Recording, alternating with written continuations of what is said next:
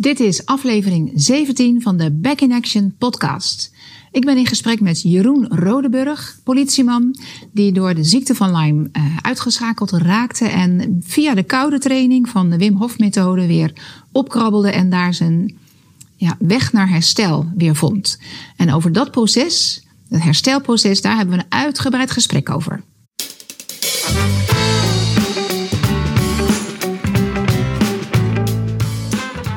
In deze podcastaflevering spreek ik met Jeroen Rodeburg over zijn ziekte van Lyme. Het proces wat um, vanaf de eerste klachten tot aan de diagnose en het herstel, al met al van 2004 tot nu.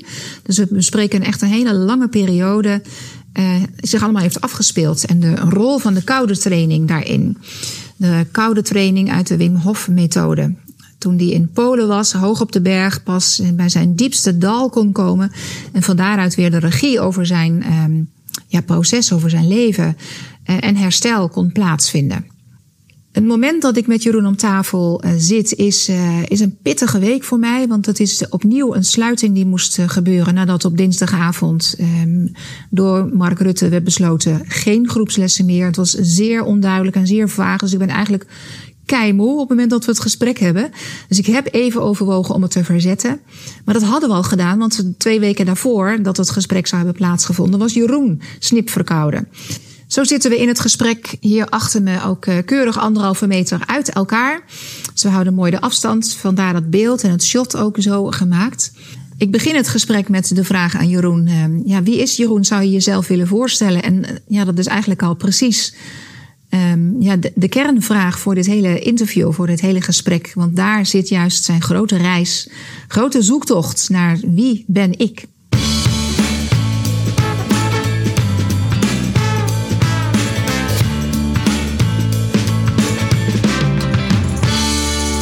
Ja. We gaan beginnen. Welkom, Jeroen. Jeroen dankjewel. Rodeburg. Dankjewel, ja. dankjewel. Um, in de intro heb ik al een beetje verteld over, over Jeroen en hoe dit uh, gesprek tot uh, gang is gekomen. Maar het is denk ik leuk als je jezelf even zou willen introduceren. Jeroen, wie ben je? Dat, uh, dat wil ik heel graag. Nou, ja. wie, wie, ik ben, dat vind ik altijd heel lastig te omschrijven. Want dat is volgens mij mijn zoektocht op dit moment naar wie ik echt ben. Maar mijn naam is inderdaad ja, Jeroen uh, Rodenburg. Mooi begin al. Ja. Ja. ja. nou ja, dat is volgens mij uh, dat is echt de fase waarin ik ook zit op dit moment in mijn okay. leven. Dat, nou ja, dat, ja. Je, jullie gaan straks wel horen. Uh, nou ja, mijn voorgeschiedenis. Maar ja. uh, mijn naam is Jeroen Rodenburg. Uh, woon in Heilo uh, samen met Monique. Mm -hmm. En mijn drie mooie kinderen Daan, Koen en Sanne. Kijk, ja. Waar ik heel trots op ben en heel blij en gelukkig mee ben. Ja. En, ik werk bij de politie in Amsterdam. Ja. Al, even kijken, nou, al 23 jaar weer. Mm -hmm. ja, en dat is even heel kort wie ik ben. Je bent vader, je vader, partner, je ja. bent politieman. We schieten nu al af en toe in het rood, zie ik. Dus misschien, okay. ik ga hem ietsje terugzetten toch, het geluid. Laten we er gewoon in zitten. Zo, we willen geen rode uitschieters hebben. um, ja, want je zegt het is al een zoektocht naar wie ik ben.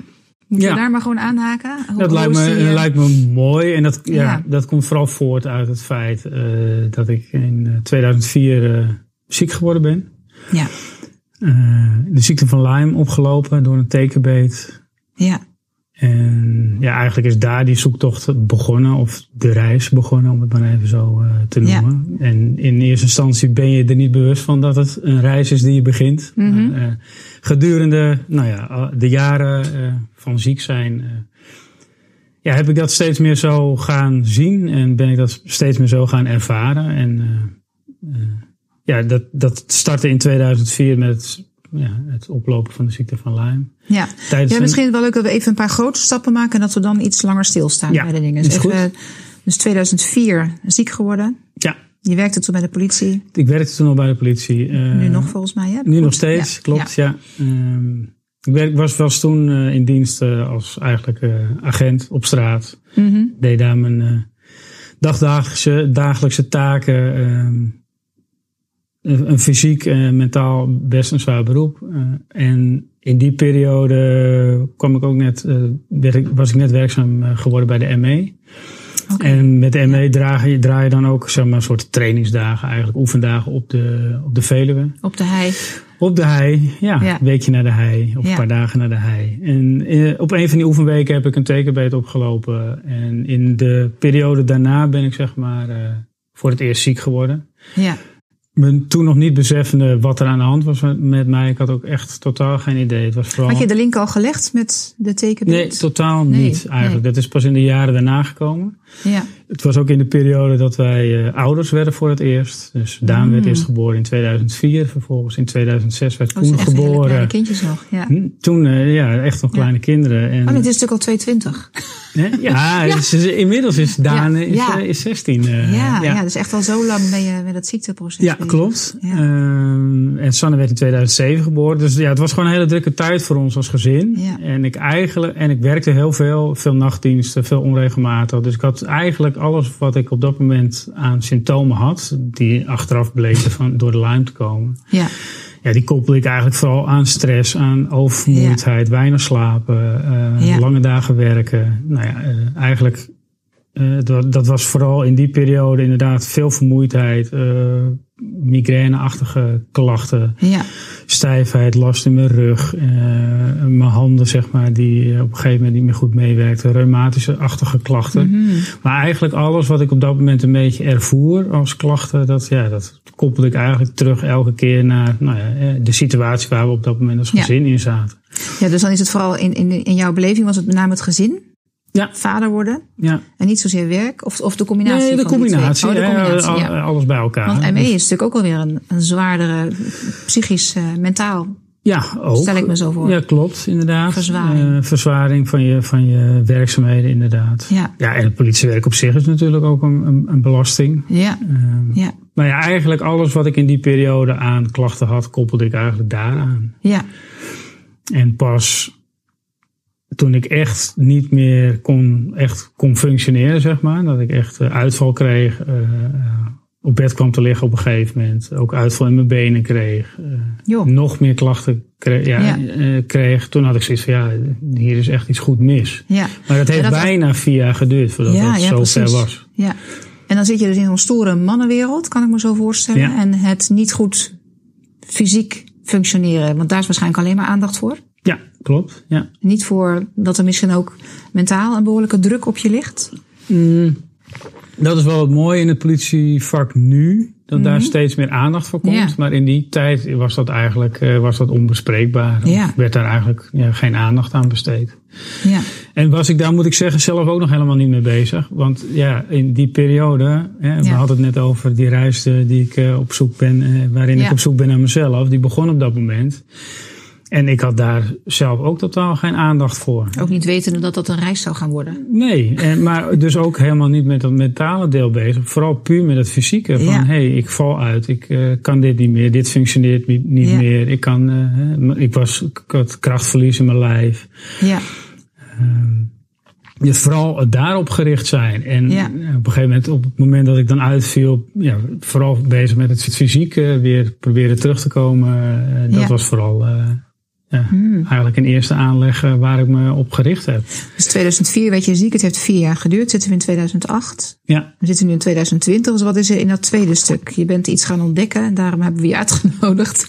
Nou, eh, Ja. in 2008 eh, kwam ik uiteindelijk tot de conclusie na heel veel eh, omzwervingen langs do- doktoren en artsen. ehm, Ja. Dat de kans groot was dat ik de ziekte van Lyme had. Ik durf nog niet, niet te zeggen dat, dat ik het op dat moment had. ja, ja. Voor mij werd eigenlijk duidelijk van dit moet het haast wel zijn. Ik was inmiddels geopereerd aan een hernia Oké. omdat ik uit van mijn benen had. Alleen ik bleek Dat- uiteindelijk geen hernia te hebben. Die uit van mijn benen kwam gewoon door de ziekte van Lyme. Ehm, er zat alleen een hele minuscule hernia, zeg maar. Ja. En ja, ze hadden op een gegeven moment zoiets van, ja, die uitval in je benen, ja, die moet ergens Ja, dus op vandaan basis komen. van symptomen hebben ze dat besloten. Uiteindelijk, ja, min of meer op basis van symptomen. Ja, de keuze werd aan mij gelaten, hè, maar Mm. ik wist op een gegeven moment ook niet meer wat ik moest. Ik, Nee. ik lag alleen maar in bed, ik kon niks meer. Van, ja, eh, we kunnen dit nog proberen. We laten de keuze aan jou. Ik had eerst zes maanden Ja. plat gelegen om te kijken of daardoor zeg maar, die zenuwpijnen in mijn rug eh, zeg maar, eh, Ja. zouden verminderen. En de uitstraling naar mijn benen minder zou worden. Nou, dat was niet het geval. Zes maanden. Ja. In de periode met al die kleine kinderen. Dus, eh, dat trok ook een flinke wissel op, op Monique, op mijn partner. Ja. Dat was ja. een hele heftige tijd gewoon. Ja. Uh, en daaruit voortvloeiend kwam ik uiteindelijk na die operatie bij de neurochirurg terecht. En die gaf eigenlijk terug aan de neuroloog, want die stuurde me terug naar de neuroloog, want het probleem was het niet opgelost. Mm -hmm. En die benoemde onder andere de ziekte van Lyme, of de neuroloog daar eens naar zou willen kijken, of, Ja. dat bij mij, of daar bij mij sprake van zou kunnen zijn. Ja. Nou trof ik op dat moment een neuroloog die absoluut niet geloofde in de ziekte van Lyme. Oh ja, dat is ook nog een dingetje. Dus Ja. dat werd een, dat werd Ja. een eh, pittige discussie aan die tafel. Maar het triggerde mij wel om eens te duiken in van wat is dan de ziekte van Lyme? En, en wat zijn de symptomen die daarbij horen? En toen Toen kreeg ik een waslijst voor mijn neus waarvan ik dacht, ja, klopt, dus dat kon je allemaal afvinken. ik kon bijna alles afvinken. En dat is een lijst van twee à viertjes geloof ik. Ja. En toen dacht ik, ja, dit moet het haast wel zijn. Mhm. Eh, en daar ben ik uiteindelijk verder gaan zoeken. Ik, ben, ik heb de neuroloog eh, losgelaten en ben eigenlijk meteen op dat moment het alternatieve circuit ingedoken. Mhm. Dat ik zoiets had van ja, die neuroloog die gaat mij niet helpen. Eh, ik ben eerst nog op de pijnpolen terechtgekomen, daar konden ze me uiteindelijk ook niet helpen. En toen vanuit daaruit het alternatieve circuit ingedoken en daar een aantal paden bewandeld. Eh, de ene met meer succes als de ander. Mhm. Wil je daar ook over uitweiden of gaan we gewoon eh, dat, wat, je wil? Want wat heb je Ehm, geprobeerd? Ik ben kleurentherapie, dat is een soort, ja, het lijkt een beetje op bio, bioresonantietherapie, alleen op basis van de frequenties van kleuren heb ik geprobeerd. Daar heb ik wel baat bij gehad, maar voor mij niet voldoende. Ja. Acupunctuur heb ik geprobeerd, eh bioresonantietherapie, daar kom ik, eh, want dat heb ik op een later moment geprobeerd. En Ja. daar, daar heb ik wel heel veel baat bij gehad, nog Ja. steeds eigenlijk wel. Ehm, Hoe wanhopig was je toen? ja, ik was er wanhoop nabij. Ja. Ja.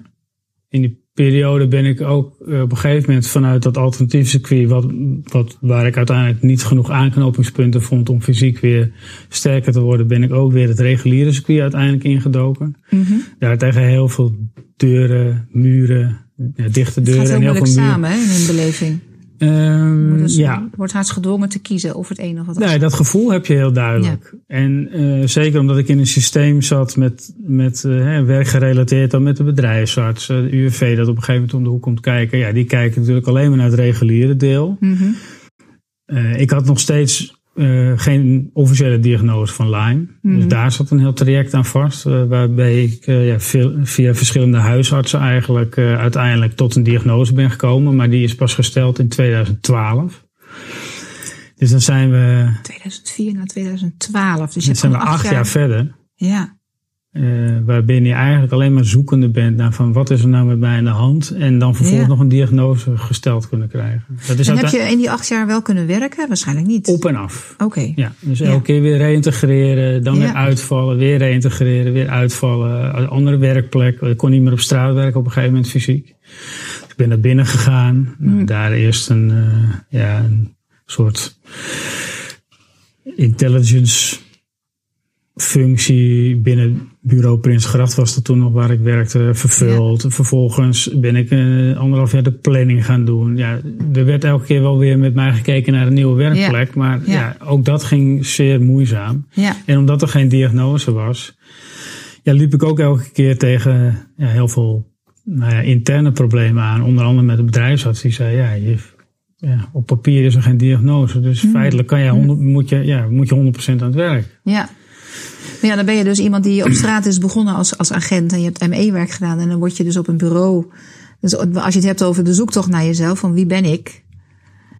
Dat zit daar natuurlijk ook heel Nou erg ja, in, wat, eh, je in die, wat ja. ik in die periode natuurlijk heel veel ervoor was, dat je, je bent constant afscheid aan het nemen van allemaal dingen die je binnen je normale, hè, daarvoor je normale functioneren tot je 29ste jaar gewoon allemaal kon. Ja, wie je dacht dat, Dat- je was. Ja, dat, ja, dat lijf dat functioneert. eh, nou ja, dat, ja, dat heeft bij mij altijd goed gefunctioneerd. eh, ehm, en dan in één keer word je ja, een soort van, ja, het wordt eigenlijk bij je weggenomen, klinkt heel raar.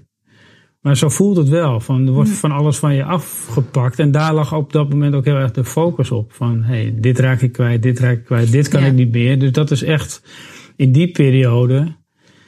Ja, is dat ook de mindset geweest. Ja.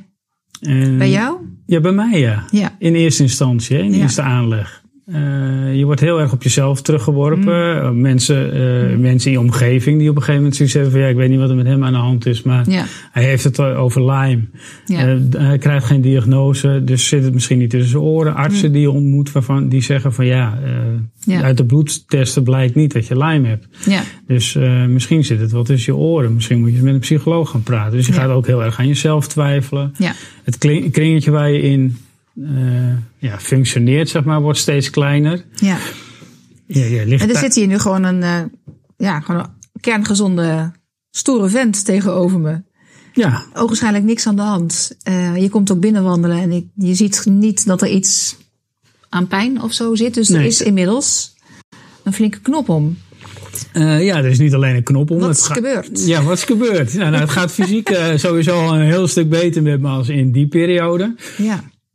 Uh, het is nog wel goed om even te vertellen dat na 2012, nadat de officiële diagnose was gesteld, dat heb, samen, ja, uh, heb ik samen met mijn toenmalige huisarts, uh, nog steeds mijn huisarts trouwens. Ja. Ik heb er een paar gehad, want ik liep elke keer tegen die deur aan, of die dichte ja, deur aan waar ik het al over had.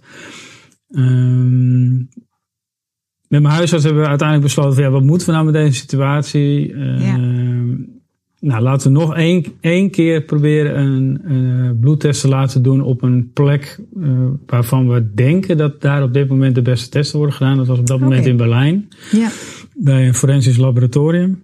Uh, dus ik heb mijn bloed nog een keer laten afnemen. Dat is naar Berlijn gegaan. En daaruit kwam uiteindelijk inderdaad een, een positieve Lyme-test en, en, nog een aantal co-infecties, waaronder uh, Bartonella en Rickettsia.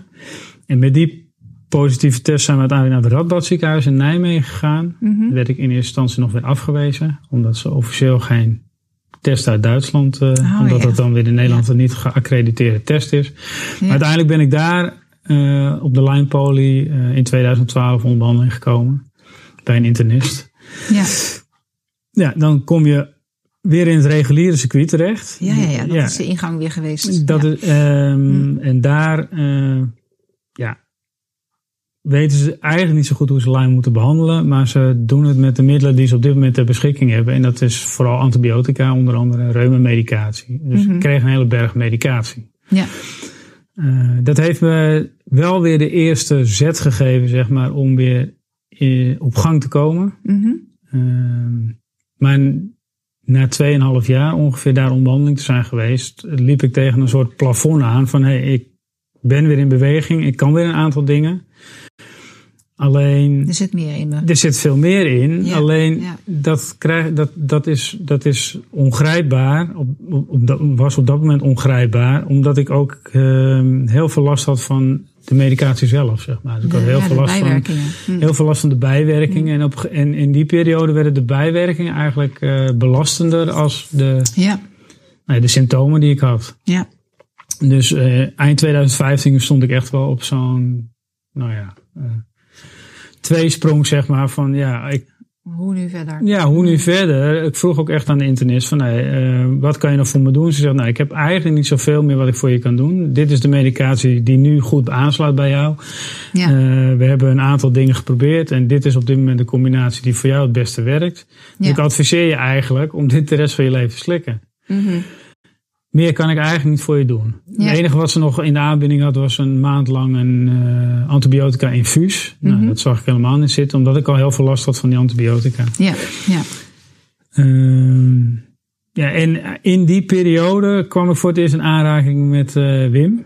Ja. Althans, niet fysiek, maar ik zag hem op tv zijn voorbij. Methode? Ja, ja, met zijn methode. Althans, eigenlijk meer nog met zijn verhaal. Want hij zat bij Paul en Witteman volgens mij toen. Wim Hof hebben we het dan over, maar dat is misschien inmiddels wel helder. Dat is inmiddels misschien wel helder. Ja, uh, uh, de koude training. Ja, die vertelde eigenlijk zijn levensverhaal. En daarin ook ja, hoe hij tot het trainen met kou was gekomen. En wat het voor hem deed. Ja. Um, en wat mij vooral aansprak in, het, in zijn verhaal in eerste aanleg was uh, dat hij zei van ja, het trainen met de kou bevordert heel erg, of boost heel erg je immuunsysteem. Ja. Het versterkt enorm je immuunsysteem, aanmaak van witte bloedcellen.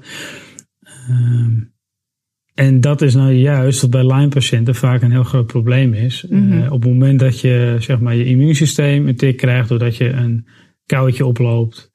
Ja. eh, even wat minder in je vel zit en je immuunsysteem eh, krijgt een tikkie. Mhm. Dan steekt die Lyme eigenlijk nog meer de kop op en, en krijg je eigenlijk nog meer klachten. En dat is, zijn eigenlijk de momenten waar je het meeste last krijgt eh, van, van, je, van je symptomen. En Ja. klap je vaak weer helemaal in elkaar. Dus het is ook echt een, de ziekte van Lyme is echt een pieken en dalen eh, ja. ziekte wat dat betreft. Dus eigenlijk moet die basis dan versterkt worden. Dus je probeert dat eigenlijk die basis zo sterk mogelijk te houden, inderdaad. Eh, en dat is wat ik, ja, zeg maar, dacht toen ik eh, Wim voor het eerst zag. Van, ja, dat zou wel eens wat voor mij kunnen zijn in, in nou ja, het omgaan met de symptomen van deze ziekte. Ja. Eh, ik heb dat toen besproken met eh, mijn internist op dat moment. En dat was wel heel mooi. Ze stond daar wel heel erg open voor. Wim was in 2012 eh, al een keer voor een onderzoek in het Radboud geweest. Oh, oké. Eh, eh, Kijk, ja. In, ja. En zij kende dus een beetje het verhaal achter Wim. Ja. En ze Ja. had zoiets van, nou ja, ga het maar gewoon proberen. Ja. Ik zeg, ja, dat betekent wel dat ik volledig wil stoppen met de medicatie die ik eh, slik. Ja. Eh, ik zeg, omdat ik gewoon, eh, zeg maar, blanco daarin wil gaan. Ja. En, Dat en, toch, wil, en Ja. wil ervaren of Ja. dit dan ook echt nou ja, iets is wat mij kan helpen en ondersteunen. Ja. Ik heb dat toen besproken met een vriend van mij en een collega van mij. Waarmee ik samenwerkte op bureau Prinsgracht in Amsterdam. En die was meteen heel enthousiast. Eh, het mooie was wel dat hij is eh, eigenlijk een jeugdvriend van de oudste zoon van Wim. Oh. Dus dat was wel heel grappig. Dus hij sloeg zichzelf min of meer voor zijn hoofd van eh, dat ik daar nooit aan gedacht heb bij jou. Ja, ja, ja. Ja. En hij zei ook meteen van ik ga met je mee. Want ik wilde heel graag ehm, zeg maar de training van Wim ervaren. Maar ik wilde Wim ook zelf heel graag ontmoeten. Ja. Eh, om met hem ook eh, te kijken van ja, eh, wat kan deze methode doen voor mij? Ja. Maar waarom denk jij ook dat het mij kan helpen? Zeg maar, hè? Wat is de achterliggende theorie achter de methode? Mhm. Wat zijn de effecten van de methode? En waarom zou dat kunnen helpen bij de ziekte van Lyme? Ja. Dus ik wilde Wim ook graag daar eh, op over bevragen. Dus ik wilde heel graag naar Polen. Wim ge- geeft zijn trainingen zeg maar nu sinds een aantal jaren op een, eh, ja, een, eh, een locatie in Polen. In de zijn- sneeuw. In de sneeuw, in de Hoog. kou, hoog. Ja. En ehm, wat hij daar eh, doet is, hij geeft een training van een week, vijf dagen, vijf intensieve dagen. En ik had zoiets van, ja, als ik ervoor ga, dan wil ik er ook gewoon vol voor gaan. Dus dan wil ik naar Polen en dan wil ik Wim ontmoeten en spreken. Mhm. En mooi is, die vriend van mij, die zei meteen van, eh, ik ga met je mee. Ik wil het wel zien en ook ervaren. En, ehm, dus we hebben eh, begin 2016 het besluit genomen van, we gaan dit samen doen. Ja. Eh, en dat hebben we gedaan. En ja, dat was echt een eh, hele bijzondere. Ja. ja, want je hebt daar volgens mij ook wat. eh, het, is een aardig prijzig eh, verhaal. Dus je hebt ook een sponsoractie daarvoor gedaan. Ja, klopt, Toch? inderdaad. Ja. ja, het is eh, best wel een, eh, een investering. En ook door de situatie waarin wij zaten, hadden we het financieel op dat moment ook niet heel erg breed. Nee. En het was, eh 2016 was net het jaar dat Lopen voor Lyme eh, voor het eerst eh, werd georganiseerd. En dat is eigenlijk een sponsoractie voor, voor Lyme-patiënten om geld in te zamelen. Eigenlijk Voor voor, zich, ja, ja, voor onderzoek, maar eigenlijk Ja. vooral voor zichzelf. Mhm. Heel veel Lyme-patiënten zitten met het probleem dat ze alle kosten die ze hebben voor medicatie, voor onderzoek, noem het allemaal maar op. eh, en dat geldt voornamelijk voor chronische Lyme-patiënten, zelf moeten bekostigen, omdat chronische Lyme eigenlijk een niet erkende ziekte is in Nederland. Ja, ja, ja. Dus, Dus eigenlijk alle kosten een- die je maakt, die ja, draagt een Lyme-patiënt zelf. Eh, ik, ik ben nooit zo voor diagnoses en voor stickertjes. Maar in dit geval is het dus ook best wel. Ja, je hebt het het gewoon is- nodig om meer voor elkaar te kunnen krijgen. Dus klopt. ja. ja. Ja, Ja. ook wel bijzonder, hè? Ja, dat merk je. Het is mooi dat je dat zegt. Ik ben ook niet zo voor diagnose en stickertjes. Want ja. het, eh, ja, het zorgt er ook voor dat je misschien wel niet tot de kern komt. Maar ehm, het systeem werkt wel zo. Ja, En daar liep ik elke keer tegenaan eigenlijk. Dat ik geen diagnose had. ja, En dat is dus ook aan de financiële, aan de verzekeringskant, aan je ziektekostenverzekeringskant. Ja, je, je hebt feitelijk niks. Dus ja, Ja. op basis van waarvan eh, doe jij je, je, je claim bij de verzekering? Ja, die is er niet. ja, ja. Dus, en daar lopen heel veel Lyme-patiënten tegenaan. Ja, ja. Ja, want eigenlijk wil je natuurlijk inderdaad niet gezien als, worden als patiënt. Maar aan de andere kant ook weer wel. Dat is natuurlijk altijd het dubbele. Hè? Met, eh, je hoopt dat er iets aan de hand is aantoonbaar. wa- Waardoor nou ja, dit is, zie je wel, ik stel me niet aan of uh, het zit niet Nou tussen ja. mijn oren. Dat, hè? Dat Het is natuurlijk een, een soort eh, Dubbel, hè? eh, ja, wip waar je Ja. op moet balanceren. Eh, Ja. Het probleem is als je doorslaat naar de ene kant, zeg maar, dan heb je, kan je ook niet bezig zijn met de andere kant. Dus het is, eh, ja, en dat is echt wel het systeem in Nederland zoals het gewoon werkt eigenlijk. Ja. Ja. Zolang, zolang jij die stempel niet hebt van eh, je hebt dit of je hebt dat, ja, dan zit het eigenlijk eh, tussen je oren. Ja. Hey, en jullie hebben dat ehm, niet alleen maar voor jezelf heb je die tocht gemaakt, maar dat is ook gekoppeld aan onderzoek. Of geld wat je er is een onderzoek wat, wat jij in gang hebt gezet. dat Eh, daarna ja, dat, weer, dat, ik, daarna. Ja. Dus misschien moeten we inderdaad eerst eh, jouw, jouw tocht de berg op en, en, en wat daar dan eh, gebeurde. Nou, het mooie was, zeg maar, dat we die sponsorloop hebben georganiseerd. En die was in eerste instantie geïnitieerd om voor mij geld in te zamelen. Hè. Het doel was om geld in te zamelen, zodat ik naar Polen kon. ja, Die vriend van mij die zou zijn eigen trip bekostigen. ja, alleen dat, dat ging zo voortvarend eigenlijk. Ik kreeg heel veel hulp van eh, mensen om me heen ook. Die, want het, het was dan een, eh, een deel hardlopen of een deel wandelen. En Ja. daar kon je dan eh, sponsors voor Ja. zoeken. Ja. En dat geld dat was dan bestemd voor in dit geval mijn reis Mhm. naar Polen. ja, Alleen, alleen dat liep zo goed en dat ging zo snel dat ik zoiets had. Ik had dat bedrag wat ik nodig had, had ik al vrij snel bereikt. Dus ik had zoiets van ja, bij elk ja, bedrag extra eh, zou ik mooi eh, nog een andere Lyme-patiënt mee kunnen nemen, ook naar Oh, Polen. Ja, ja. Dus uiteindelijk is dat, eh, heb- heb- hebben we dat zo gecommuniceerd ook naar de buitenwereld. En Ja. kon ik uiteindelijk, was, het geld, was, het, was er zoveel geld beschikbaar dat ik nog twee andere Lyme-patiënten mee kon nemen. oké. Ja, Eh, helaas ging er, ging er uiteindelijk maar één mee. Die andere zag het uiteindelijk op het laatste moment toch niet zitten om mee te gaan. Eh, Ja. Fysiek. ja dat, is- ik zat me dat inderdaad af te vragen, want dat, dat is best stevig. Ja, dat, daarom vond ik het ook super fijn dat die vriend van mij meeging. Want eigenlijk was het op dat moment gewoon een te zware trip voor mij. Ja. Op voorhand, hè? Ja, Achteraf niet. Maar op voorhand ja was dat is het. wel, want je, je zag letterlijk en figuurlijk een berg. Ja, enorme bergen zag ik. Ja, Eh. En ook omdat je daar een fysieke inspanning moet leveren. En ik was gewoon eigenlijk op dat moment eh, fysiek heel slecht. Ja, Eh, uiteindelijk de andere Lyme-patiënt, eh, Joshua, die meeging, die was fysiek nog slechter. ja, Die ging mee in een rolstoel zelfs. Dus ja, die kwam mee in een rolstoel aan op het vliegveld in Praag. Ja, Vanaf waar we de bus namen naar Polen toe. Ehm, dus ja, dat was gewoon fysiek een hele, hele zware Ja. belasting en ook wel een drempel. Eh, dus uiteindelijk is een van die twee Lyme-patiënten niet meegegaan, maar de Mhm. ander wel. En eh, ja, hebben de sprong in het diepe gewaagd om eh, ja. met Wim mee naar Polen te gaan. Ja. Ehm, we zouden nu niet te veel op de, op de, de methode zelf ingaan. Ehm, want dat is gewoon echt weer een heel ander, eh, ander verhaal, een ander kapitel. Hoewel mensen wel heel benieuwd zullen zijn. Dus wat kan je daarover zeggen? Eh, wat het voor jou heeft. eh, Nou, ik kan vertellen hoe, Ja. hoe ik dat ervaren heb in Polen. Ehm, ja. Kijk, wat ik net ook al aangaf, het is een soort van in die al die jaren dat je ziek bent, had, kreeg ik steeds meer het gevoel dat ik los kwam te staan van mijn lijf, als het ware. ja. Ik heb, De mind en de body waren niet. eh, nee, die waren niet meer, eh, ook omdat ik alleen maar last had van het lijf. Het was een soort, nou ja, eh, last geworden eigenlijk. het Het is een heb, haatverhouding met je lijf. ja, eigenlijk wel. Ik was gewoon teleurgesteld in mijn eigen lijf. Ja. Maar ja, dat lijf is onderdeel van jou. Dus eigenlijk was je teleurgesteld in jezelf. Ja, maar Ja. Dat, daar kwam je later pas Ja, achter. Hè? Op dat moment was ik vooral teleurgesteld in mijn lijf. Ja. Eh, ja, had ik eigenlijk een soort van afscheid genomen van het lijf. Van ja, dat functioneert niet meer. Eh, Ja. Het heeft me in de steek gelaten. Eh, ja, weg met het lijf, bijna. Ja. Dus ik zat heel erg hier in mijn hoofd. En was eh, ja, ja, echt, echt ja, weg bij dat lijf gewoon Ja. omdat alles wat ik deed met het lijf, dat was mij tot last. Het was of pijnlijk, of het ging niet, Ja. of het, ja.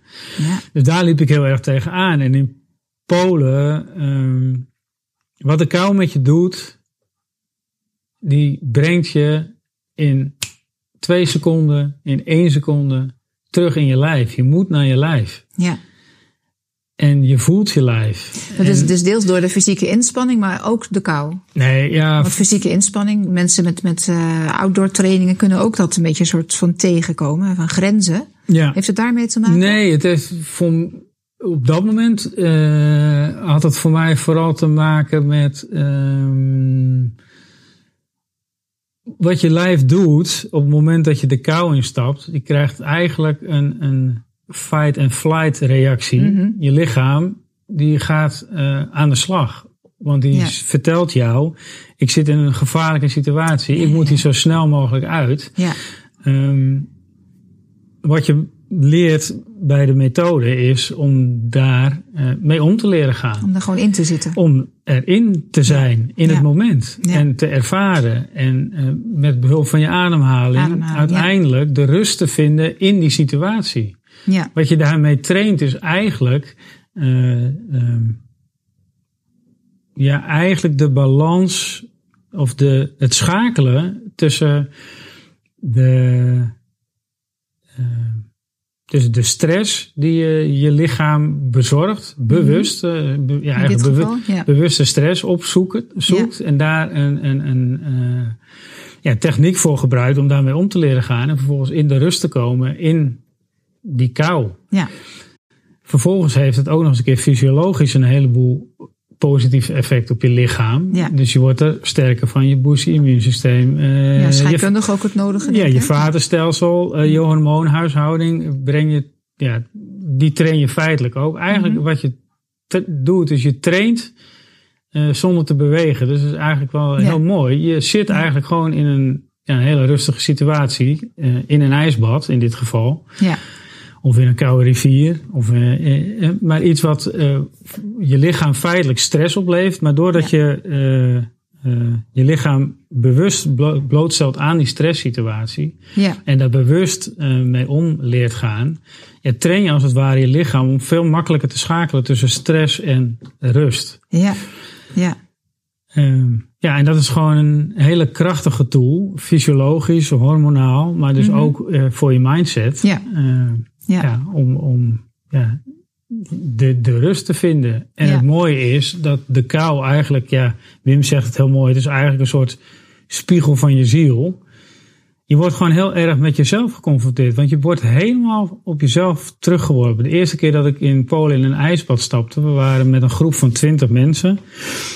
Uh, dus waren daar op dat moment uh, drie groepen van twintig mensen, maar je doet allemaal op een ander moment uh, bepaalde oefeningen. En mm -hmm. een van de oefeningen was uh, s'avonds het, het, ijsbad. En dat is eigenlijk ijsbadgewenning, om maar even zo te zeggen. Ja. Dus dan ging je het ijsbad in, ja. dan ging je opwarmen in de sauna en dan ging je vervolgens weer het ijsbad in. Oké, okay. ja. Je bent met een groep van twintig mensen, maar ik heb die twintig mensen in die hele oefening niet gezien, niet ervaren. Okay. Niet bewust. Gewoon helemaal een soort bubbel. Omdat je komt in een soort hmm. bubbel met jezelf. En je bent zo gefocust op uh, je lijf en hoe functioneert mijn lijf en wat doet mijn lijf en ja. uh, hoe beweeg ik, hoe adem ik. Maar hoe... is het dan psychisch gezien in een soort van, ja, wat, wat gebeurt er dan inderdaad? Je, je ziet en ervaart ze niet. Uh, ja, psychisch gezien weet ik niet. Dat vind ik lastig om, om, om dat te benoemen. Ik ben geen psycholoog, dus nee. ik kan vooral vanuit mijn eigen ervaring mm -hmm. uh, zeggen dat je wordt een soort van teruggeworpen op, de, op je, je oerbasis of zo. Um, ja. ja, op je, ja, je, je, je kern, echt op, je, op, op wie je bent als mens. Ja, op je zijn. Uh, op je zijn, ja. Echt gewoon van, ja. dit is mijn basis, dit is uh, uh, ja, de in tools die ik heb. zou je zeggen in het eerste chakra gebied weer terugzakken. Maar goed, ja. dat is weer... Uh, ja. ja. Mm. En dat is wat het met mij deed. En, en, en daarin... En dat is wel het mooiste op dat moment. En dat, dat, dat roerde mij ook tot tranen daar. De laatste keer, ik, ik ben vier keer in het ijsbad geweest. En de laatste keer zat ik er echt op een gegeven moment super lang in. Want dat is op zich totaal niet het doel van de oefening. Ja. Maar ik was een soort van, ik zat onder een prachtig heldere sterrenhemel. In een ijsbad met de ijsschotsen die om me heen dreven. En ik was een soort van, en dat klinkt misschien een beetje zweverig, maar een soort van één met het universum en één met mezelf gewoon. Ik voelde weer. Um, Mind en body weer. Nou ja, um, doordat je zo op je eigen lijf weer teruggeworpen wordt, eh, kon ik de functionaliteiten van mijn lijf weer ervaren. Ja. Terwijl ik daar eigenlijk afscheid van had genomen. Hè, want eh, ik was het, het functioneerde niet meer, het werkte niet meer. Dus het, het diende me niet meer. Hè, dus Ja. ik zat echt heel erg in mijn hoofd. En op het moment dat ik in dat ijsbad stapte, gingen al die systemen in mijn lijf, die we net benoemden, hè, je hormonale stelsel, eh, je, hart- eh, en vaatstelsel, je ademhaling. Je voelt dat het allemaal functioneert. Dus je, ik werd me heel erg weer bewust van het feit van, ja, maar wat jij zegt klopt eigenlijk helemaal niet. Ja. Dat lijf functioneert prima. Ja. Dat kan eigenlijk alles wat het behoort te doen. Ja. Ehm, dus er zit een ander probleem achter. En dat is onder andere dat je niet meer in connectie bent met dat lijf. Ja. En je had dus echt die koude, die, dat extreme had je nodig. Ja, blijkbaar had ik die eh, klap Ja. met die hamer, eh, om het zo maar even te zeggen, nodig. Om dat Ja. voor mezelf weer helder te krijgen. En je verzandt in die hele ziekteperiode natuurlijk ook in allerlei zijwegen. Hè? Ja. Het systeem wat, wat ik net benoemde. Eh, daar verdwaal je enorm in. Ja. Eh, het niet meer kunnen functioneren op je werk. Het niet meer kunnen functioneren als vader. Eh, niet meer een goede partner voor, je, voor je, voor je vrou- vrouw kunnen zijn. Ja. Het, nou ja, noem het allemaal maar op. Ja. Dat zijn allemaal Het beeld wat je hebt van hoe een man. hoe het zou moeten zijn als man. Hoe, ik zou moeten, hoe mijn lichaam zou moeten kunnen functioneren op dat moment. Ja.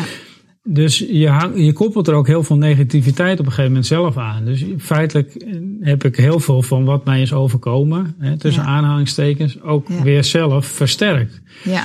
En Ja. dat werd me op dat moment heel erg helder. cirkel. Ik zat natuurlijk helemaal onder in de spiraal, wa- waarvan Ja. ik ook een heel deel zelf uiteindelijk gecreëerd heb door mijn eigen beeld ervan. Ja. Ja. En op dat moment was ik helemaal onder in die spiraal. En toen kreeg ik in één keer een soort helder moment van... Dus je moest naar de top om het dal te kunnen ervaren. Ja, daar komt het eigenlijk Ja. op neer. Ja. Ja. Ja. Want dat, het klimmen, dat, dat stond van dat- die ijsbaden. Eh, ja, de week is eigenlijk zo ingericht dat het einddoel van die week is dat je eh, met die hele groep van 60 mensen was dat in dit geval eh, de berg de Sniska beklimt. Dat is eh, een mooie hoge berg van 1609 meter geloof ik eh, in Polen. Ja. In de buurt van het onderkomen waar we zaten. Het trainingscentrum van Wim. Ehm, en het doel is eigenlijk dat je de hele week train je met de kou. Om uiteindelijk aan het einde van die week in je korte broek. In, in ons geval bij min 13 graden. Mijn god. Die berg te beklimmen met elkaar. Ja, ja. Dat is eigenlijk zeg maar ehm, Ja, eh, het piketpaaltje wat aan het eind van de week ges- geslagen wordt. Zo van, ja. Daar werk je eigenlijk naartoe. Wim Mhm. zegt, iedereen kan dat wat ik kan. Hè? In je korte broek, bij min 13 graden Ja. of bij min 20 graden.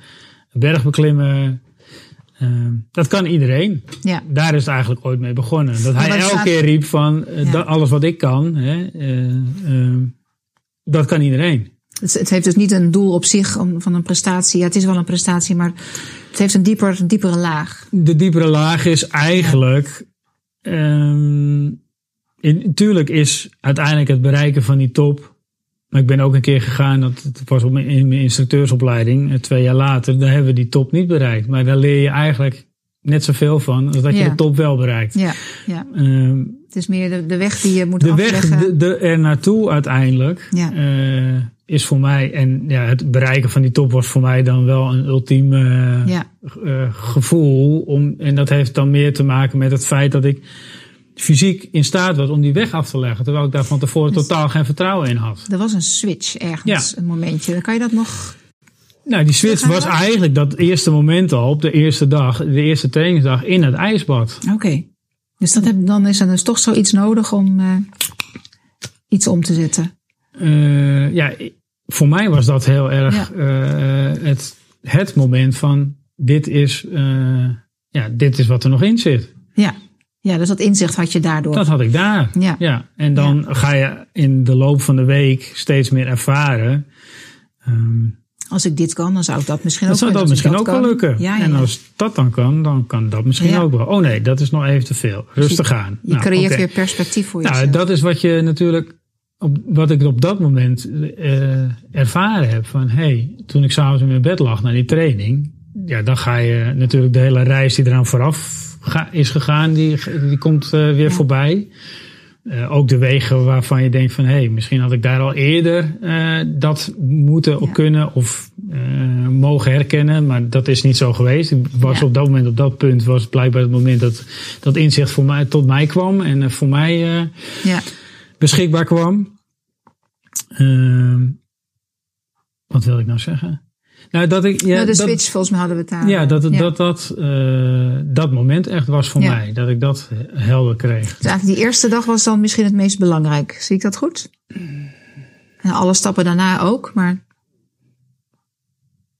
Ja, twee. Er zat nog een belangrijk moment in. Dat was een gesprek met Wim, wat ik de dag daarna had. Uh, na, een na de trainingsdag zat ik met Wim in de, in de sauna na, na, uh, na een koude training. En toen nou, bevroeg ik hem onder andere hè, over, uh, over de methode en wat dat uh, voor mij zou kunnen betekenen. Even fysiologisch gezien en alles mm. wat wetenschappelijk inmiddels al aangetoond is. Ja. Wat de methode voor je kan betekenen. Maar eigenlijk gaf hij een, in eerste aanleg een heel an, een antwoord wat ik niet had verwacht. Mm -hmm. En dat ging helemaal niet zozeer over de methode of over uh, nou, hè, al die fysiologische aspecten. Maar die, dat ging veel meer over het mentale. En hij zei tegen mij het letterlijk van... Het gaat erom dat jij nu de keuze maakt en besluit ja. dat dat wat je bij je draagt, die ziekte, hij, hij, hij zei het op een iets minder uh, vrouwvriendelijke manier, om maar eens even, want hij gebruikt het woord uh, uh, motherfucker heel vaak. Ja, ja, ja. ja, ja. um, hij zegt, maar jij moet besluiten uh, op dit moment dat je de boosdoener, de ziekte zeg maar, eruit schopt. Hij zegt, jij moet op dit moment gewoon de keuze maken. Het is klaar. Ik ja. ga dit aanpakken. Ik ga, ga hiermee aan de slag. En jij besluit op dit moment, nu, hier, ja. dat je dit gaat doen. Zo Gewoon. simpel is het dus ja. eigenlijk, hè? Daar ben ik kippenvel van. Want dat, ja. ik kan me dat zo voorstellen hoe dat werkt. Dat die knop die moet om. Ja. Herken ik ook wel een beetje. Dus niet van dokter ja. dit, arts dat. Wim, uh, kan je me alsjeblieft helpen? Want ik heb een probleem. Nee, jij besluit op dit moment. Dus niet Wim Hof gaat mij helpen. Nee, jij gaat jezelf helpen. Mm -hmm. En als de methode van Wim daar uh, aan bijdraagt, zo zei hij het ook letterlijk. Ja. En ik denk dat dat kan. Ja. Ik ben er 100% van overtuigd dat het zo is. Maar als jij niet besluit om het te doen, dan gaat geen enkele methode helpen. Ja. Dan, gaat, dan gaat geen arts je helpen. Dan gaat, gaat niks je helpen. Want jij moet uiteindelijk de keuze maken en zeggen: tot hier en niet verder. En ik neem de regie. Ik pak de regie nu. Het is mijn leven, mijn lijf. En je gaat het doen. Ik herken het ook wel een klein beetje in de periode spierreuma. Is toch omdat dat kan na twee jaar over zijn. Maar op een gegeven moment geloofde ik ook echt zelf dat het over kon. Dat het bij ja. mij zou kunnen uitdoven. Dus ook wel een switch. Ik heb niet die extreme gehad. En het is misschien ook een heel ander verloop. Maar wat je daar beschrijft van dat je het voor jezelf besloten hebt. Ja. Tot hier en niet verder. Dat was en ik geloof weer in ja. dat ik het kan. Dat, dat herken ik wel. Ja. Ja. Nou, omdat je dat, dat ja, je, je verliest. Ik voel het haast nog. Ja. ja, maar dat is ook logisch. Ja, maar dat is inderdaad gewoon wat er, wat er nodig is ook.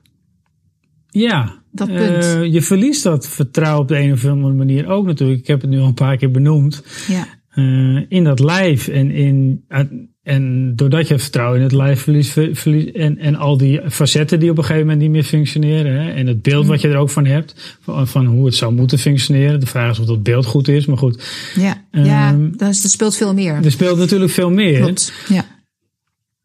Ja. Maar. Kennelijk um, was de ziekte nodig om jou. Uh, dat... Nou, dat inzicht te verschaffen blijkbaar. Ja.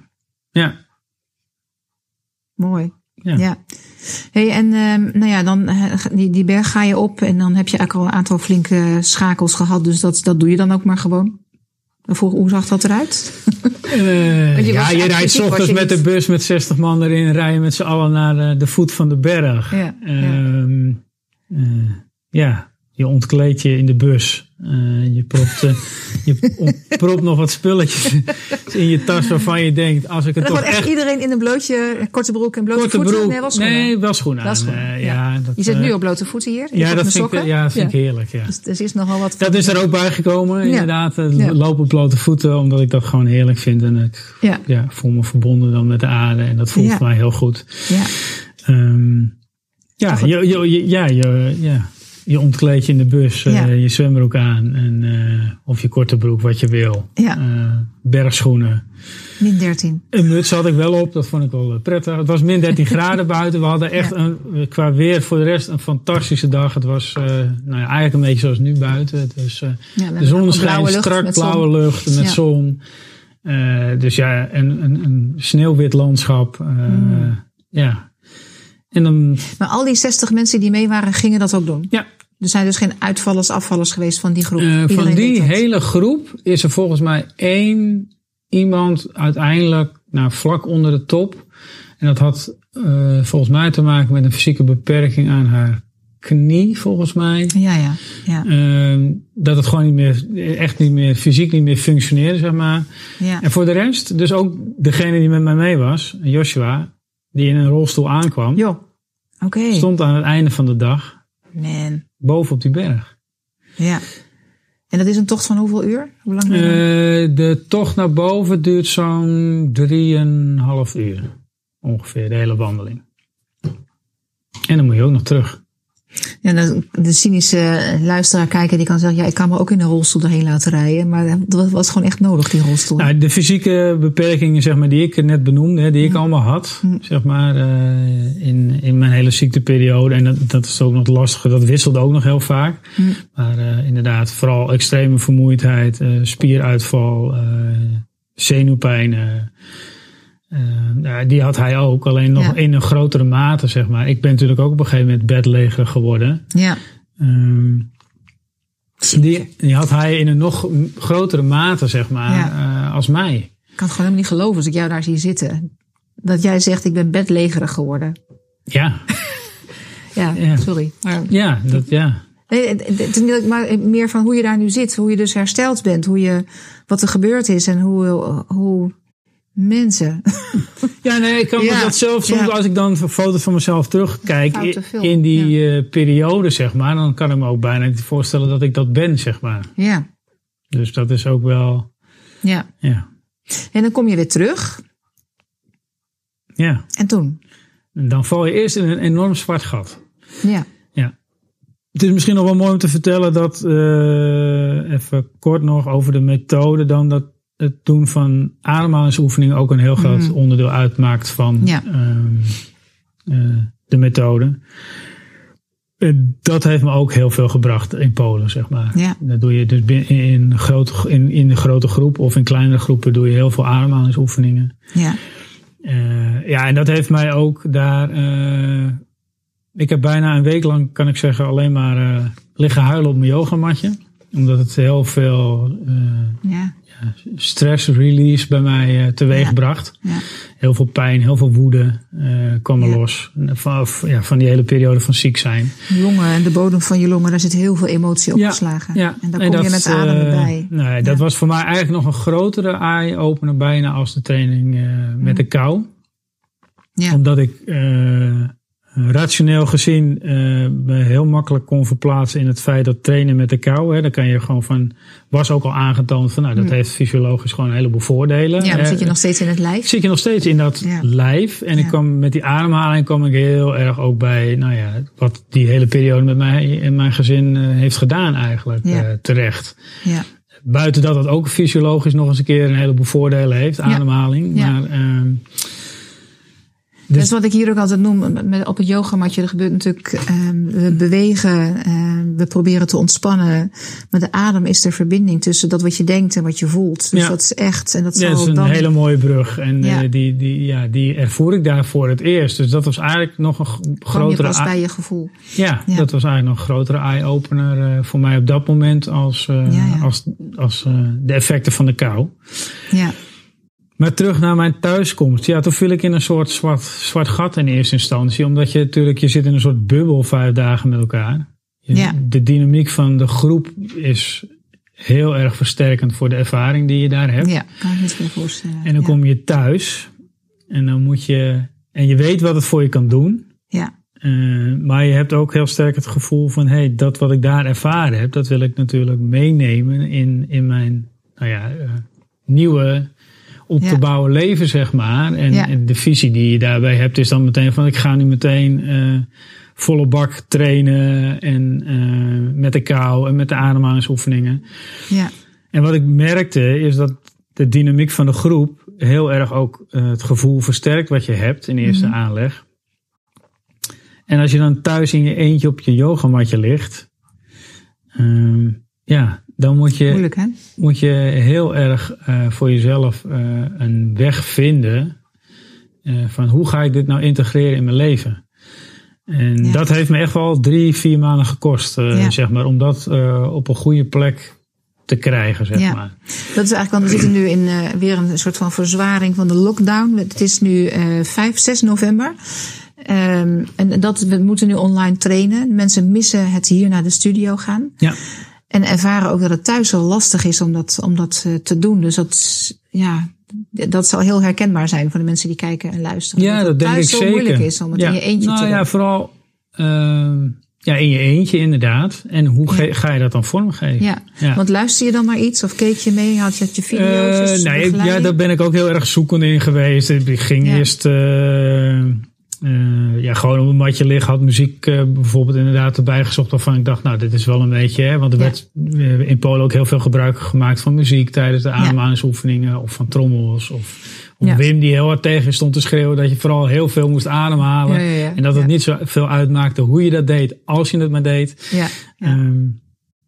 En dat mis je natuurlijk allemaal in eerste aanleg. Ja. Dus, eh, dus het was heel erg zoeken van naar de forum. Dus ik had, eh, er is een app bijvoorbeeld eh, van Wim. Eh, Ja. ik, had, ik ben YouTube filmpjes gaan kijken. Je zoekt toch veel contact met degene met wie je daar in Polen bent geweest. Dus Ja. die vriend van mij, Boy, had ik veel contact mee. van ja, hoe doe jij het dan thuis? En ja. je gaat koud douchen bijvoorbeeld proberen. Ja, werkt dat voor mij? Ja. Ehm, eh, ik heb een, uiteindelijk een ton in de tuin gezet Mhm. om zeg maar mijn koude baden in te nemen. ja. Nou ja, zo ben je elke keer puzzelstukjes voor jezelf aan het verzamelen. eh, ja, en die in elkaar aan het leggen. En dit werkt wel, dat werkt niet. Dat vind Ja. ik wel fijn, dat vind ik niet fijn. ja. Uh, ik ben mensen om me heen gaan verzamelen die veel met de methode bezig zijn. Ja. Uh, om daar samen dingen mee te doen. ja. Ik ga bijvoorbeeld elke zondagochtend nu met twee vrienden ga ik zwemmen in, okay. in Egmond aan Zee. Ja. Ja, dat zijn allemaal dingen. ja, ik noem het altijd maar kapstokhaakjes. Ja. Waaraan ik mijn, de integratie van dat wat mij enorm helpt. In dit geval Ja. is dat dan de Wim Hof methode. En dat kan voor andere mensen iets heel anders zijn. Ja. Yoga of nou er zijn ja, honderdduizenden dingen denk ik waar, die kunnen bijdragen aan Ja. je mentale en fysieke gezondheid. Uh, ja, de kapstokhaakjes waar, waaraan ik die methode op ben gaan hangen, zeg maar. Ja. Dus uh, ja, het, het, echt integreren in je dagdagelijks leven. Ja. Maar dat is wel een proces geweest wat een aantal maanden gekost heeft. En wat ook wel aan verandering onderhevig is, nog steeds hoor. Want het, Ja. er zijn nog steeds dingen die op mijn pad komen. Doordat ik de methode beoefen en omdat ik nu ook instructeur ben. Ja. Waarvan ik denk, hé, hey, dat is ook interessant. Of hé, hey, zo kan het ook. En Ja. hey, laten we dat eens proberen. Dus het is echt een ja, Ja. on- ontwikkeling geworden. En Ja. ja. die, ja, die stopt ook niet meer, denk ik. ja. Hoe ben jij instructeur geworden? Ehm, ja, door de opleiding te volgen. Ja. ja, er is dus een opleiding om. Eh, ja, er is een opleiding tot trainer, ja, hoe Wim? Wim Hof instructeur opleiding. eh, Ja. een, eh, je hebt eigenlijk een ad- advanced deel en dan een, nog een mastertraining. En met die mastertraining ga je weer een week naar Polen. Mhm.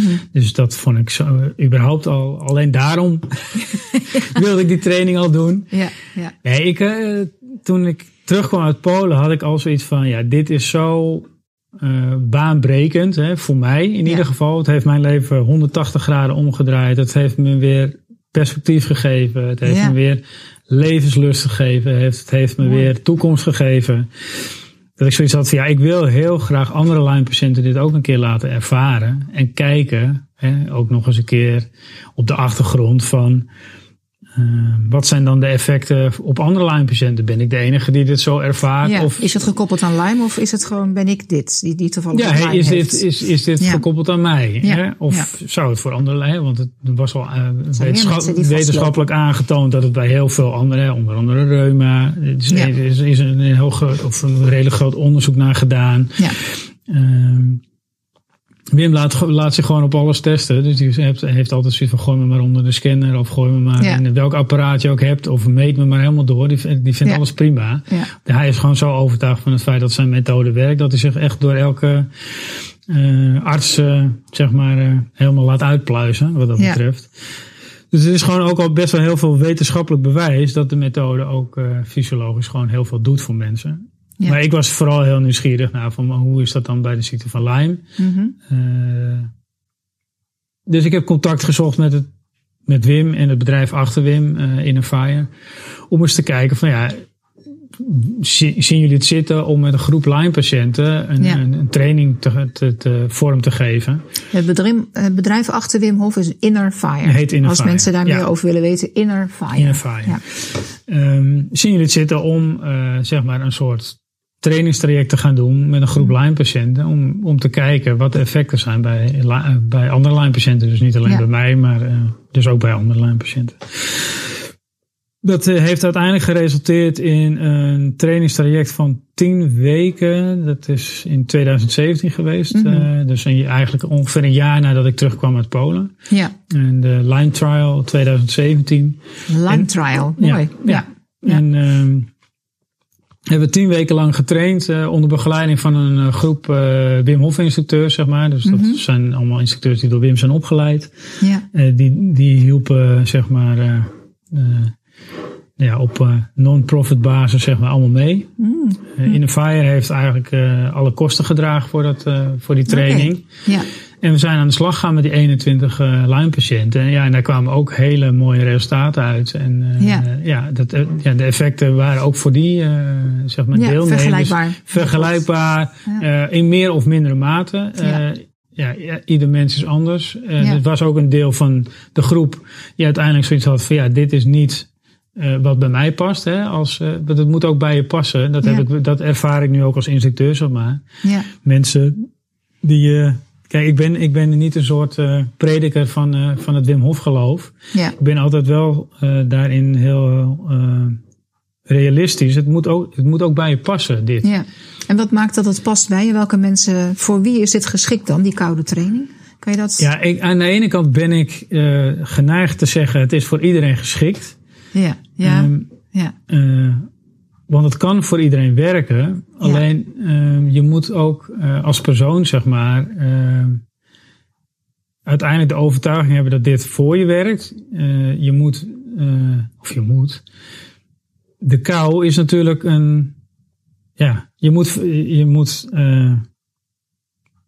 de bereidheid hebben, zeg maar, om die kou in te stappen eigenlijk. Veranderingsbereidheid. Je veranderingsbereidheid. Maar dat kan ook met een andere methode. Hè? Ja. Dus dat hoeft niet per se de Wim Hof methode te zijn. Dus veranderingsbereidheid is misschien niet... eh, Oké, dat dekt nog niet helemaal de lading. dat dekt niet helemaal Nee. de lading. Want ik denk, ja, als je yoga aangrijpt om, een, een, om iets te veranderen in je leven. Of, of, of, of ademhalingstechnieken. Of, nou ja, de- er zijn natuurlijk Ja. zoveel manieren.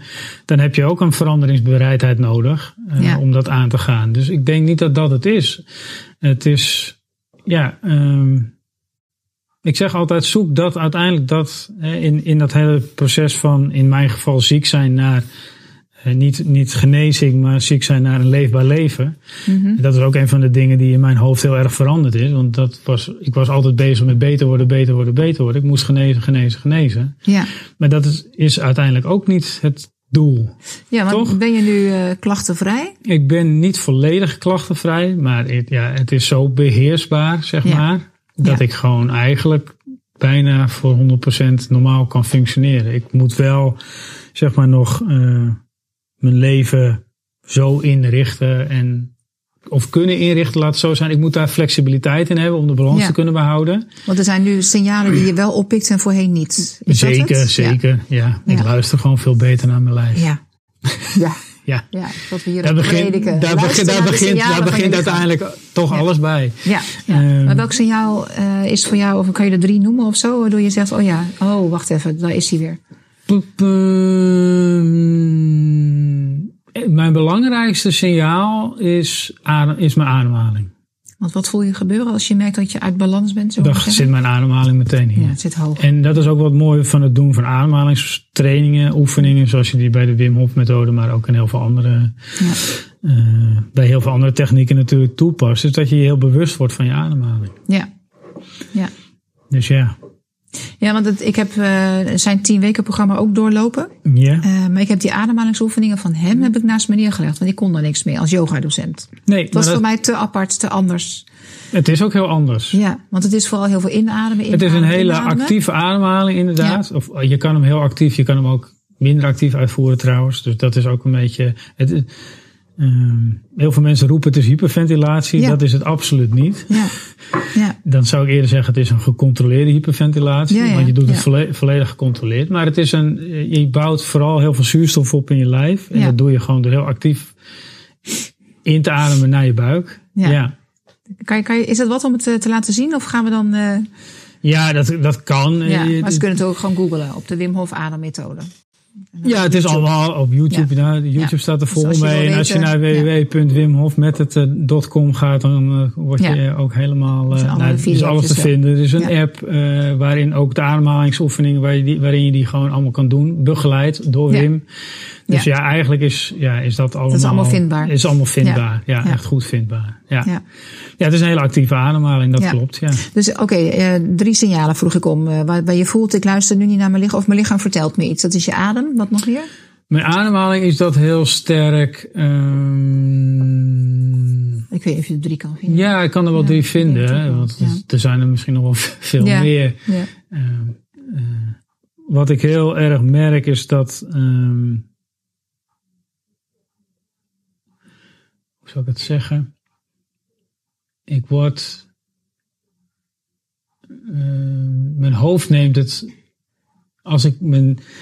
Eigenlijk als ik de verbinding loslaat tussen. Ik voel de verbinding, dat ik de verbinding soms loslaat tussen mijn lijf en mijn hoofd Ja? omdat ik de, de neiging nog steeds heb. En dat komt, nee, dat, ja, dat, is een, dat zijn patronen die in, in mijn jeugd zijn ontstaan. eh, en waarin ik dus ook heel veel last heb gehad tijdens mijn ziekteperiode, zeg maar. Hè, dat ontkoppelen, dat doe ik, Ja. Dat doe ik af en toe gewoon nog. Dus dat, eh, en daar word ik dan door getriggerd doordat ik heel erg, ehm, ja, druk in mijn hoofd wordt eigenlijk, moet ik zeggen. Dus heel veel eh, ga beredeneren, heel veel ga, ehm, ja, hoe, hoe zou ik het zeggen? Eh, luchtfietserij wil ik het niet noemen. Maar ik zit dan in mijn, ik merk gewoon dat ik dan heel erg in mijn hoofd zit. Paniekvoetballerig. Ja, eh, ja, paniekvoetballerig. Druk word ik ook dan. Ja. Ehm, eh, ga ik een soort van rondlopen. Het overzicht Oh, mis je? nou, eh, ik ga vooral heel erg in detail zitten, zeg maar. dus ja. op allerlei eh, dingen echt. eh, ja, hoe zou ik het zeggen? Door, een soort door, doorberedeneren eigenlijk. Dus je komt, ik, ik, ik voel zeg maar, en dat is misschien ook wel wat ik geleerd heb. Ik voel heel erg de overgang van. Oké, Dat ik schiet in mijn hoofd, zeg maar. ja. En, Dus je bent jezelf bewust van, hé, hey, daar ga dan ga ik weer. Ja. Dan ga ik weer. Dus ik, ja, dus En dat, kan je jezelf nu afremmen? Dat je ik kan, ja, ik- nou, dat is een van de dingen Koude douche die. helpt dan bijvoorbeeld. Ja, Je zit meteen in je lijf. ja. 100 procent. Ja. Er is geen ontkomen aan. Ja, Ja, dus dat helpt heel erg. ja. Ja. Ik vind nog steeds, ik, ik douche ook altijd nog koud af één minuut. Ik Ja. vind nog steeds heel, ehm, ik kan af en toe ook een beetje nou, doorrazen misschien ook Ja. Maar ook eh, een beetje depri raken. Zeker in de tijd dat ik zoveel pijn had. Dat is nu anders. Maar nog wel, het, die boost die je krijgt van een koude douche, die is eh, nog steeds zo lekker. Ja.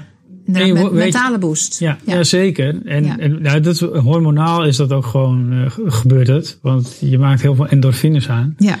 Dus Ja. eigenlijk simpel gezegd word je heel blij van een koude douche.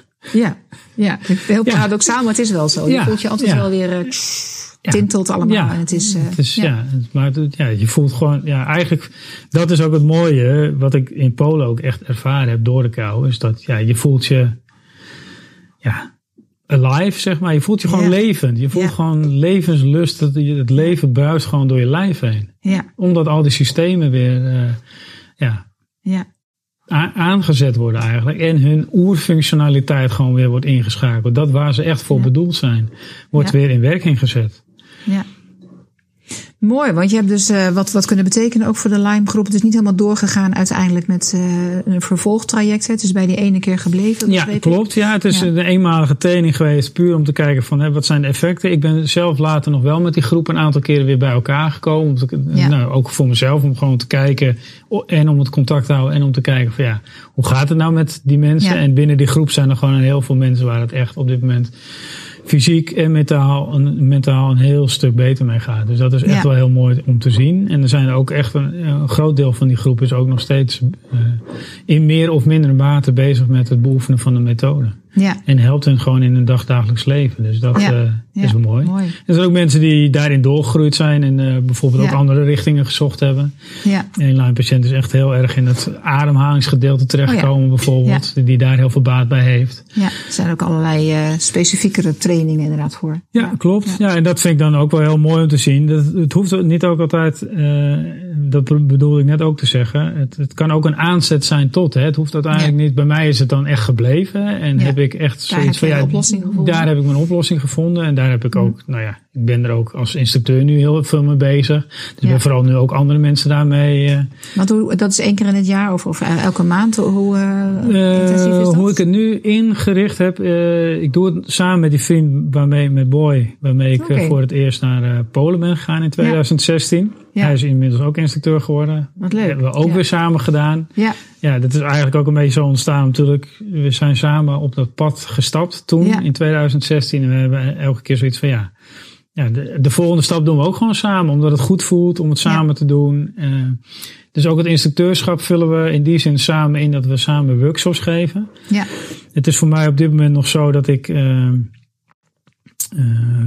ik, heb nog, ik zit nog in een gedeeltelijke afkeuring. Dus ik werk gedeeltelijk bij de politie.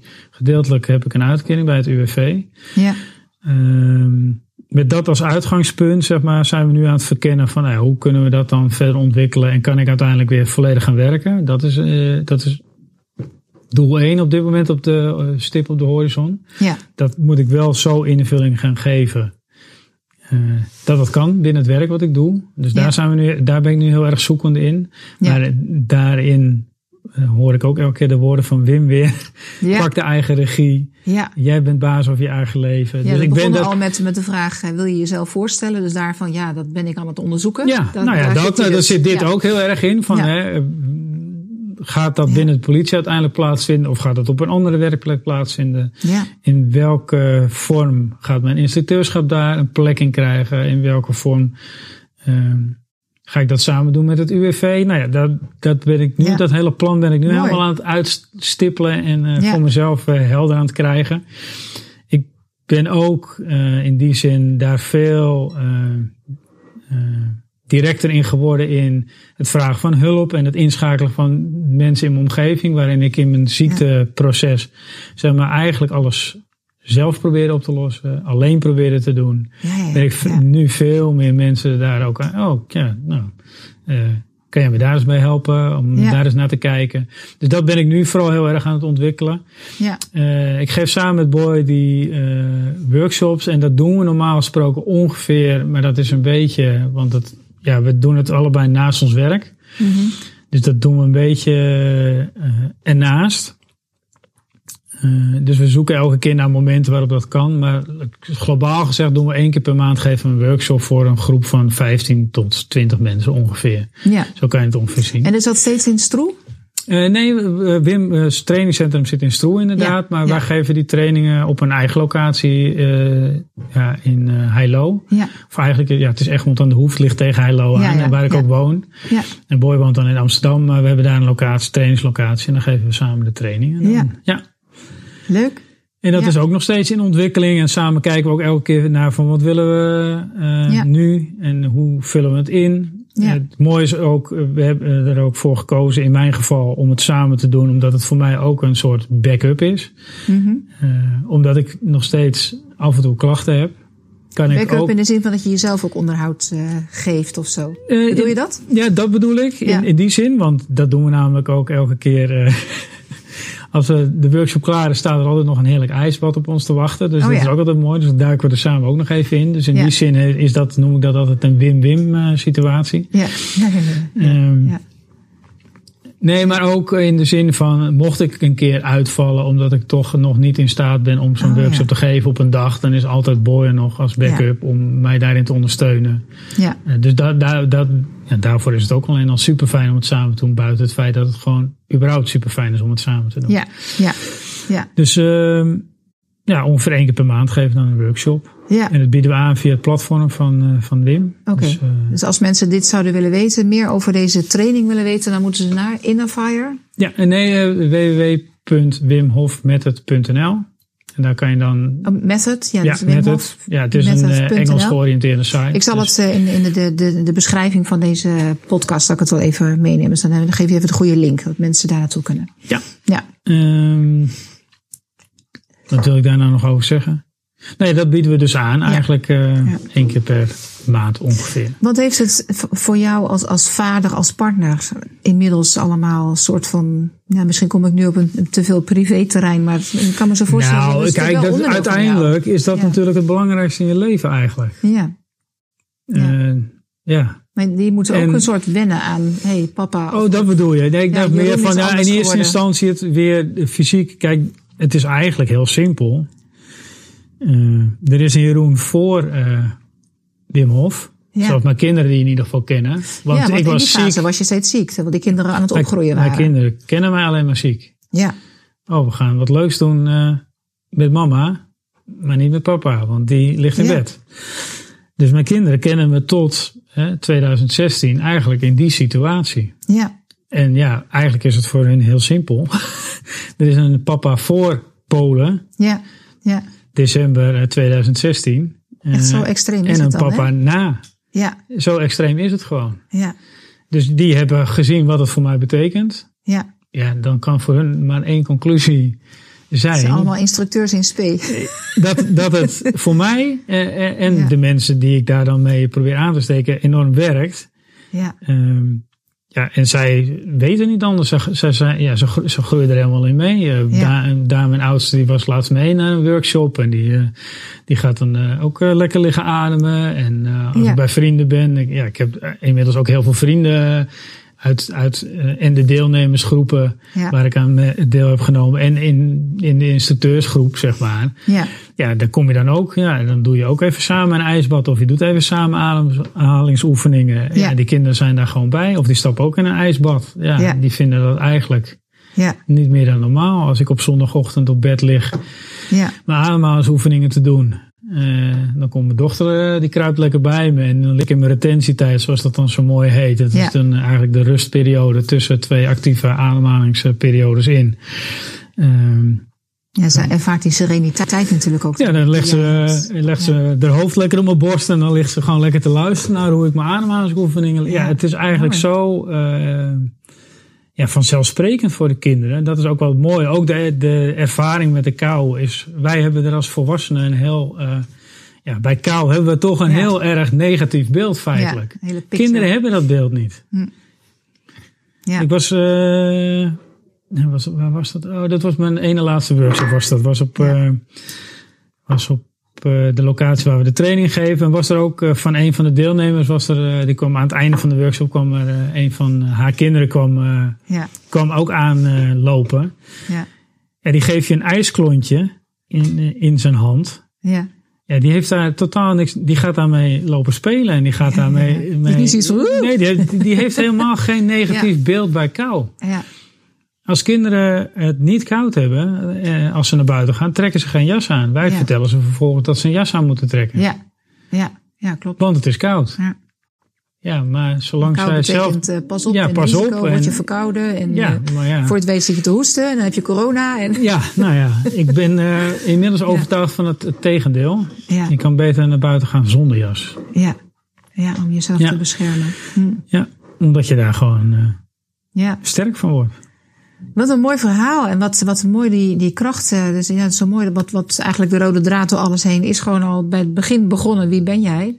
Ja. En dat was jouw grote zoektocht. Ja, nou, die is nog niet af. Maar Nee, eh, nee, dat is ik denk dat die ook nooit af is. Maar Ja. eh, Ja.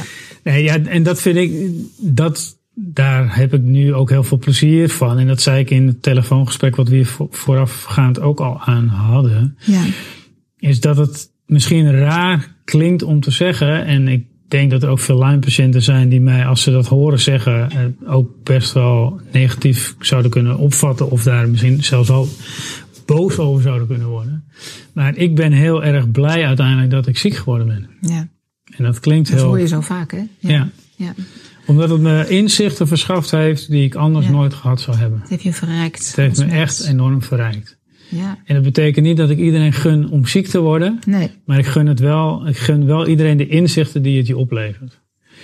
En het Ja. hoeft niet altijd ziek te, eh, te zijn natuurlijk, hè, ziekte te zijn of zeer. Je Ja. hoopt altijd dat iemand die inzichten Ja. op zo'n manier tot zich krijgt dat je... Wat, eh, ehm, ja, je hebt die ziekte dus een soort van nodig gehad om, om eh, hier te zijn waar je Ik nu in ieder bent. geval wel. Ja. Ja. Want eh, kan je ook nog Misschien ben ik gewoon een... eh, terugkoppelen van waar heb je het gevoel dat je een soort van, ja, zou ik maar zeggen, ontsporen is niet het goede woord, maar misschien wel de verbinding tussen je, je, je voelt heel duidelijk, het- daar zit geen connectie meer in. mhm. Ik voelde dat niet meer. Ja. Maar dat is natuurlijk een aanloop geweest. Maar goed, dat is misschien weer in voer voor een hele nieuwe podcast. Nou ja, dat, dat kan zeker voer zijn voor een hele nieuwe podcast. Maar Ja.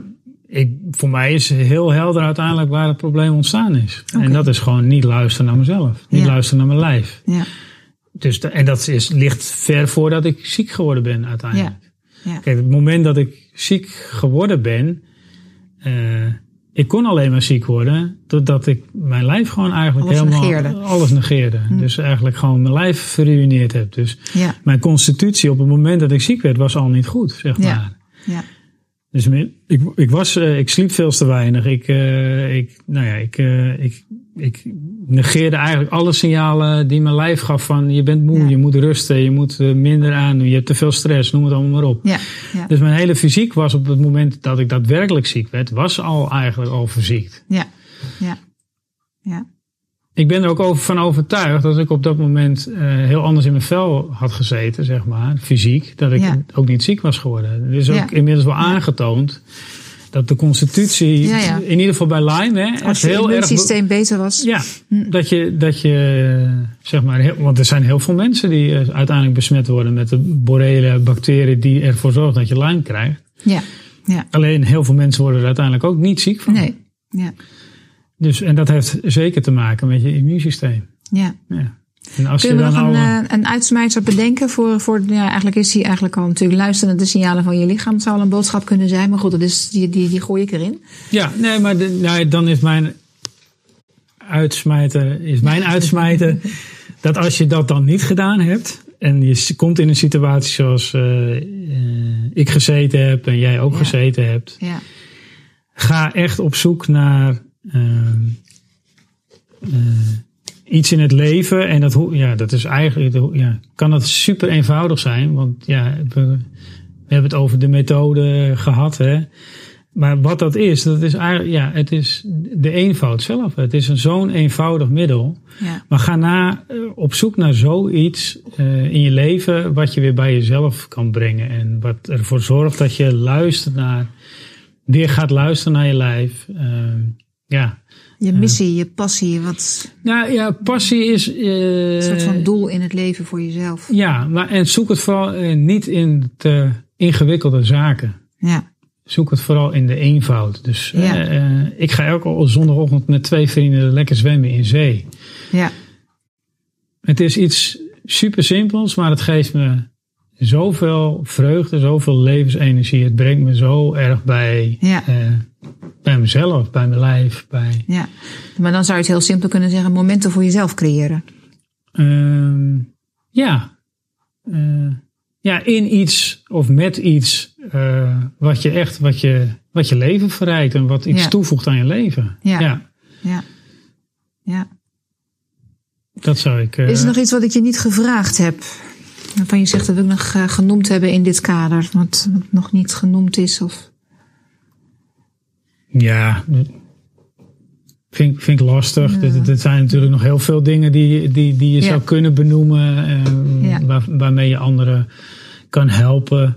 Ehm, wat ik gewoon ervaren heb is in de periode dat het zo slecht met me ging. ehm, dat ik echt het gevoel al, eh, constant had dat ik het allemaal alleen moest doen. Ja, ja, ja. ja. En dat, dat, dat is dat, veel mensen herkennen. en dat is echt niet het geval. Dus eh, ja, verzamel de mensen om je heen die je vertrouwt, waar, je een goed gevoel bij hebt. eh, je staat die, daar niet alleen voor. die je ja. kunnen ondersteunen. Je staat er niet alleen voor. Jouw situatie is niet uniek. En zeker in eh, Nederland niet met, eh, nou, ik weet niet hoeveel eh, chronisch zieken we in Nederland hebben, maar dat zijn Ja. er echt heel veel. Ja, En natuurlijk ben je als mens uniek, eh, maar jouw situatie is in die zin niet uniek. Dat er altijd mensen zijn die jou kunnen helpen en kunnen ondersteunen in dat waar je doorheen gaat. mooi. En, eh, ja. Ja. ja. Is jouw werk als agent veranderd? Ben jij als agent veranderd? Ja, ik ben natuurlijk nu niet meer agent op straat. Dus Ja. ik, eh, ik heb een andere functie binnen de politie. die ik met veel liefde vervul. Ja. Mijn kijk op politiewerk is. nou. Nee, die is eigenlijk niet veranderd. Die had ik eigenlijk al op de manier zoals ik die nu heb. ja. Ik ben gewoon eh, de manier waarop ik het doe eh, en de manier waarop ik met mijn collega's omga. Daar zijn wel dingen in veranderd. En hoe ik, Ja. en hoe ik mijn werk beleef, zeg maar. Ja. Ik heb veel meer balans gevonden tussen eh, mijn gezin Ja. en- en het werk, zeg maar. ja. Ja. Dus met, met je partner, Ja, ja. ja, veel meer samen. veel meer samen, erop uit, leuke dingen doen. Mooi. Ja. ja. Dat kan ook weer, dus ja. ja, ja. happy ending. Ja, nou, zeker. En een ongoing ja. ending is het eigenlijk. Want ja, ja. het is- ja, ja, precies. Ja. Ik heb, eh, dat is ook wat mooie. Daar had ik laatst nog met iemand een gesprek over. En die, die vroeg ook van waar sta je nu? Hm. En ehm, ik ben eigenlijk in de, nou, het half jaar na Polen, zeg maar, ben ik zeg maar, heb ik het gevoel dat ik eh, teruggekomen ben op mijn nulpunt. Dus ik, eh, eh, je, Mhm. als je begint met, met Je zat onder nul. ik zat heel ver onder nul. Ja, je, begint eigenlijk het leven met, nou, laten we zeggen, op nul. En dan ga je groeien, groeien, groeien voor je gevoel. Hè? Tenminste, dat is je Hm. beeld wat je erbij hebt. En door mijn ziekte ben ik heel erg onder nul terechtgekomen.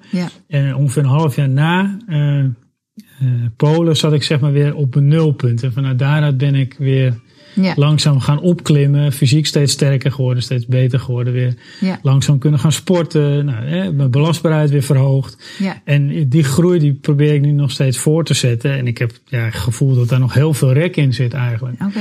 Dus ik heb het gevoel dat er nog... Ja, ja, eh, Het is fragiel, nog een soort van, eh de grensjes die zijn nog... eh, Ehm, ja, fragiel wil ik het niet meer noemen. Ik Nee, weet gewoon heel erg goed waar, me, waar de, de gevaren liggen, waar de Ja. pijnpunten liggen, Ja. eh, waar ik zeg maar omheen moet bewegen. Ja. Dus daardoor weet ik ook dat, dat er nog gewoon heel veel rek in zit en heel veel groei in zit. En dat, eh, alleen dat wel ervaren is gewoon eh, ja, ja, een verademing. ja, Ja, mooi. ja, Ja. dus Ik wil je bedanken voor dit gesprek. graag gedaan. Ja, super. Het was superleuk om Ik denk te doen. dat dat eh, voor, ja, voor veel mensen ook een soort herkenning of momenten of situaties of, of onderwerpen of wat dan ook een hoop ook heeft kunnen geven. En ehm, Dat hoop ik. Ja, dat, dat is Ja. dat uiteindelijk het mooie. En dat is ook wat ik Ja. met mijn instructeurschap wilde inderdaad. Van. ja, Hoop is ja, het mooiste eigenlijk wat je door kan geven. Of Ja. inderdaad een, een middel door kunnen geven. Waarvan je zegt van ja, misschien kan je hier iets mee. En misschien geeft het weer wat meer licht in je leven. ja. Dank je. Graag gedaan. Bedankt voor het luisteren. En eh, tot in de volgende podcast.